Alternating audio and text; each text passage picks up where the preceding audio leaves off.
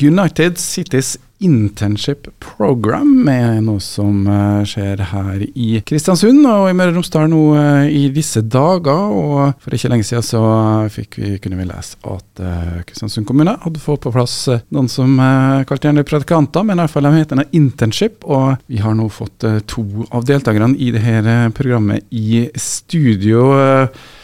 Jeg snakker på norsk nå, men jeg har fått med meg da Brett Collins fra Canada. You understand uh, Norwegian a bit? Yes. So welcome to you, and we also got uh, Snorre Oppsal Grytli here, and uh, we're first going to talk a little bit in Norwegian about what the program is, and then uh, Brett will uh, come and explain and talk about his experiences um, in English. So bear with a host English. Uh, this is the first interview I will ever do in uh, English, but Let's get to it. Eh, Snorre Oppsal Grytli, du er jo da med på det her eh, internship-programmet. Kan du ikke forklare oss litt, eh, hva er det? Er det lærlinger eller praktikanter, eller hva er det dere holder på med? Det, vi er ansatt i en, en periode. Det første del er at vi læres opp med masse spennende ressurser fra hele verden, som er skikkelig gode på å jobbe med akkurat det her. Og så får vi bli satt i gang med masse prosjekter for å lære oss å gjøre det her og skape endring på et eh, lokalt nivå. I samarbeid med fylkeskommunen, Sparebanken Nordmøre og NEAS.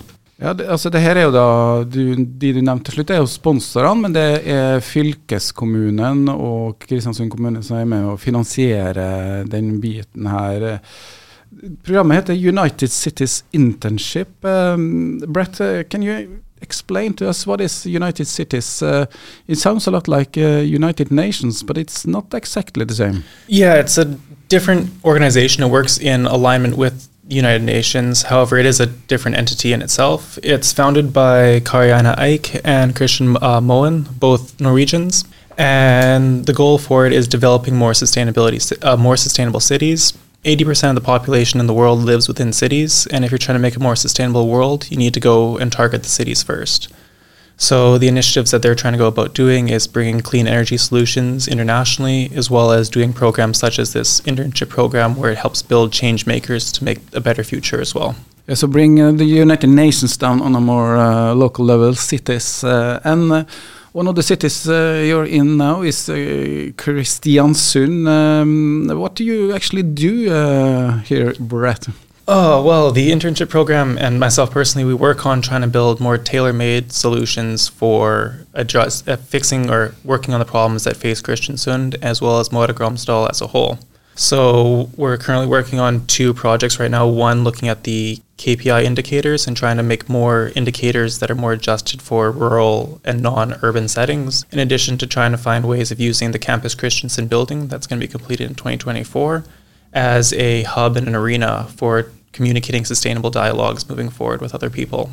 Sustainability og bærekraft, som vi sier i Norge, da. Det her er jo et um, område hvor det er um, mye fokus. Uh, Snorre, hvordan er det med um, arbeidet som gjøres her uh, lokalt? Får du noe inntrykk av det? Ja, det er Møre og Romsdal er første kommunen som har kartlagt det her.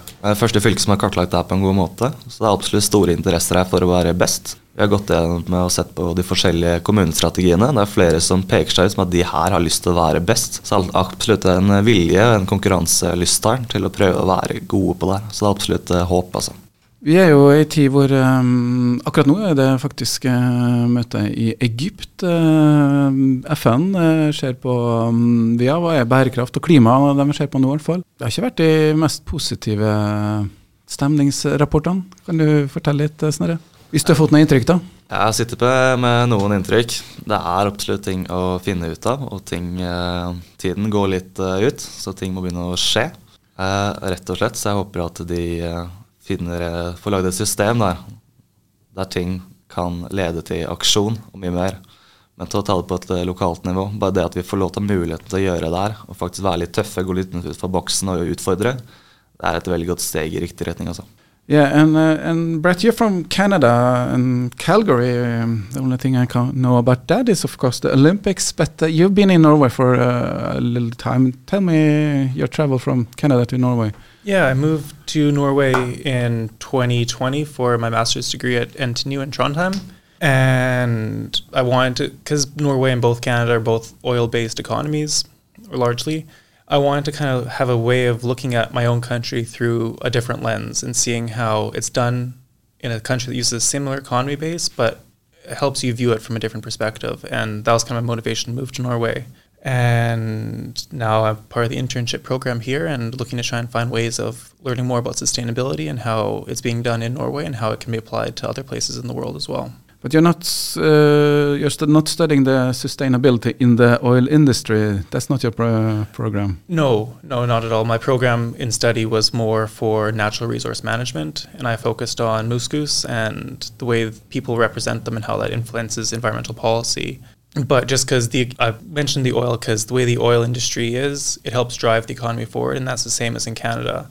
But the way Norway goes about implementing more environmental policies and being more promoting sustainability, it provides you a different way of looking at how you can kind of transition away from an oil industry into a more renewable future. Are there some major differences, uh, or is it uh, nuances?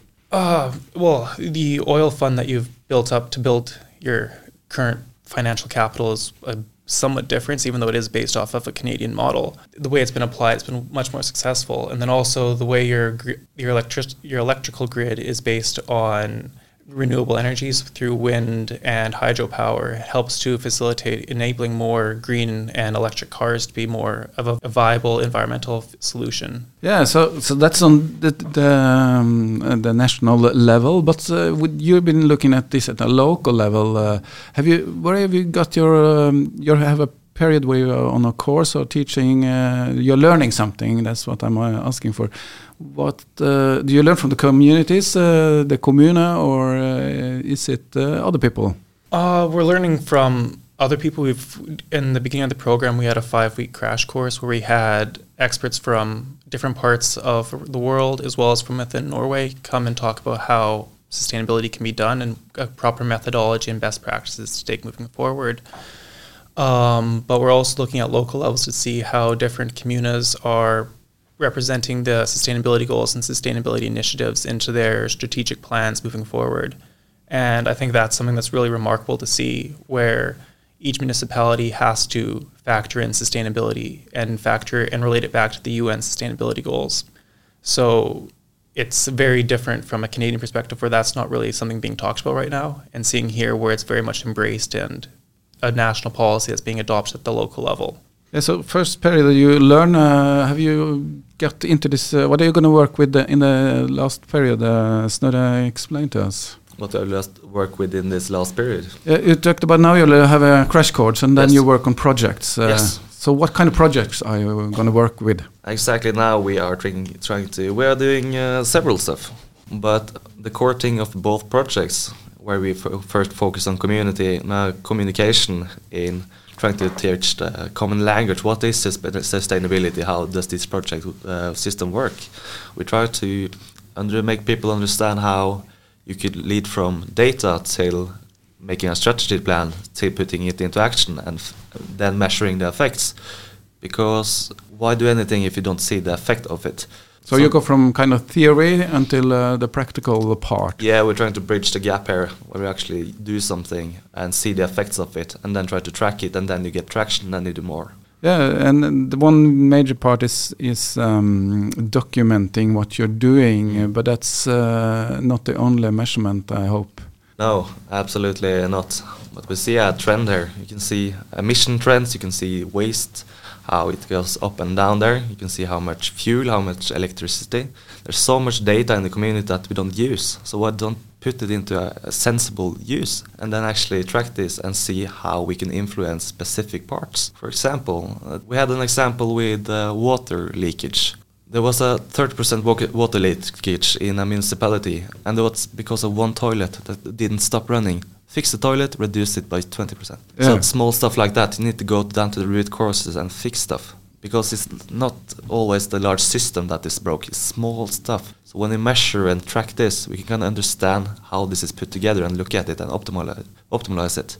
Yeah, because in Norway we have um, lots of water, Yes. Uh, it's not a problem to have a lot of water, so we don't really care if you put on uh, the tap and um, let it flow before you drink some water. Uh, that's kind of uh, not uh, what you do other places in the world, and it's also now we're seeing with the energy. We had a lot of sustainable or and green energy in Norway, and now uh, everybody is not talking so well about it. It costs more, but this makes behavioral change. It makes people do things different when things are more expensive. Uh, can you see um, the change on people uh, in things you do? We have just started with the project, but we hope so. We want to see a no effect because people plan, let's have an effect 5, 10, 20 years into the future. But we have the world has a goal that we need to reach within 2030, which is quite essential that we do. So we want to create a now effect in what we try to do actually. Vi har i studio nå fått besøk av eh, United Cities internship-kandidater, eller som er med på det programmet som har nå jobba i Kristiansund kommune. og eh, i studio i dag så har jeg med meg da altså Snorre Oppsal Grytli og Brett Collins fra Canada. Og vi skal prøve så godt vi kan å snakke litt English, uh, so Brett understands. And we talked in, in about um, we are now uh, also have this meeting in Egypt with UN. Uh, there is an, uh, a war in Ukraine. There is uh, problems with energy. The prices are up. Uh, oil uh, industry is booming again.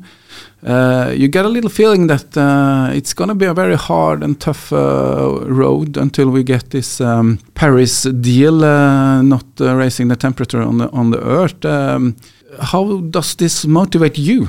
Well, I mean, yeah, it's very ambitious goals to try and achieve by cutting emissions by 2050 or 2030 and then being net zero by 2050.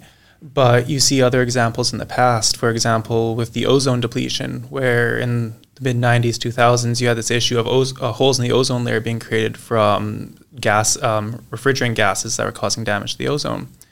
And through international agreements that were created, there is a ban on these gases, and now we're seeing evidence of the ozone layer uh, healing itself. And, and this, this was all a kind of UN uh, initiated. We started with uh, um, a conference, uh, some uh, what do you call it, laws or uh, commitments by the countries. Yeah, it was some laws and agreements that were signed, and it shows now that if you give nature the chance to heal itself, it will heal itself. And I think now moving forward, more than ever, with everything going on in the world, we need to put ourselves in a place to give nature a chance. And as we work towards the Paris Agreement and moving forward, I think that's going to give us the best chance of giving nature its best chance at healing itself. So it's if if, if we can call it a little fragile uh, agreement, it's it's an agreement and it's a start. Uh, so how do you work with the motivation, um? Not only on your part, but uh, probably going to motivate us, the people. Yeah, I think we have been in difficult, complicated situations before. Uh, now, before, and ever, and each time we've figured it out. So I think humanity and we as people are stubborn. We can do whatever, and I think that's the fact that we have shown the last decades. So I think we can do this. We're a bit of a scrape right now, but I think we'll figure this out. And then this will accel accelerate, and then it will put us on a greater path. Yeah, because you're uh, actually the practical part about uh, sustainability, uh, because uh, we all heard about it. We heard about this uh, since the late 80s uh, with Gro Harlem Brundtland, and we've talked about the climate change since then and now we are in a position where we have an agreement. Uh, and the first part you have to start is where uh, you need to acknowledge the, the knowledge, actually, uh, the, the facts. So that's what you're saying now. We, when we know the facts, it's going to go uh, the right way. Yes, uh, and yes, I think so. And with good intention as goal and uh, a bit of honesty on the goals and how we do it, I think we can definitely do that. It's not going to be easy, but um, we have done it before and we can do it again. I think that's the headliner. And uh, your generation is uh, gonna have the burden. And um, what do you think? Uh, you say you're very optimistic about it. Uh, and um, so, what do you want? Uh, you have an. Uh, let's end this with what do you want people to do? What can they do locally? Is there something they can start with now? I want them to, to talk, discuss, engage in this. The funny thing about SDGs and what we are working with that we see that people are doing much of this already going in. For example, uh, SDG 3 is good health. Everybody has a health plan. Everybody care about this. Everybody want, for example, good education. So this is not new. This is not a foreign concept. You are doing this. We just put it, in, it into a context to measure and track this. So I think if you get people to understand this and kind of join in on the thought here, we can do everything. So we just need to put it into a system and then yeah, get everybody on board and we can do this.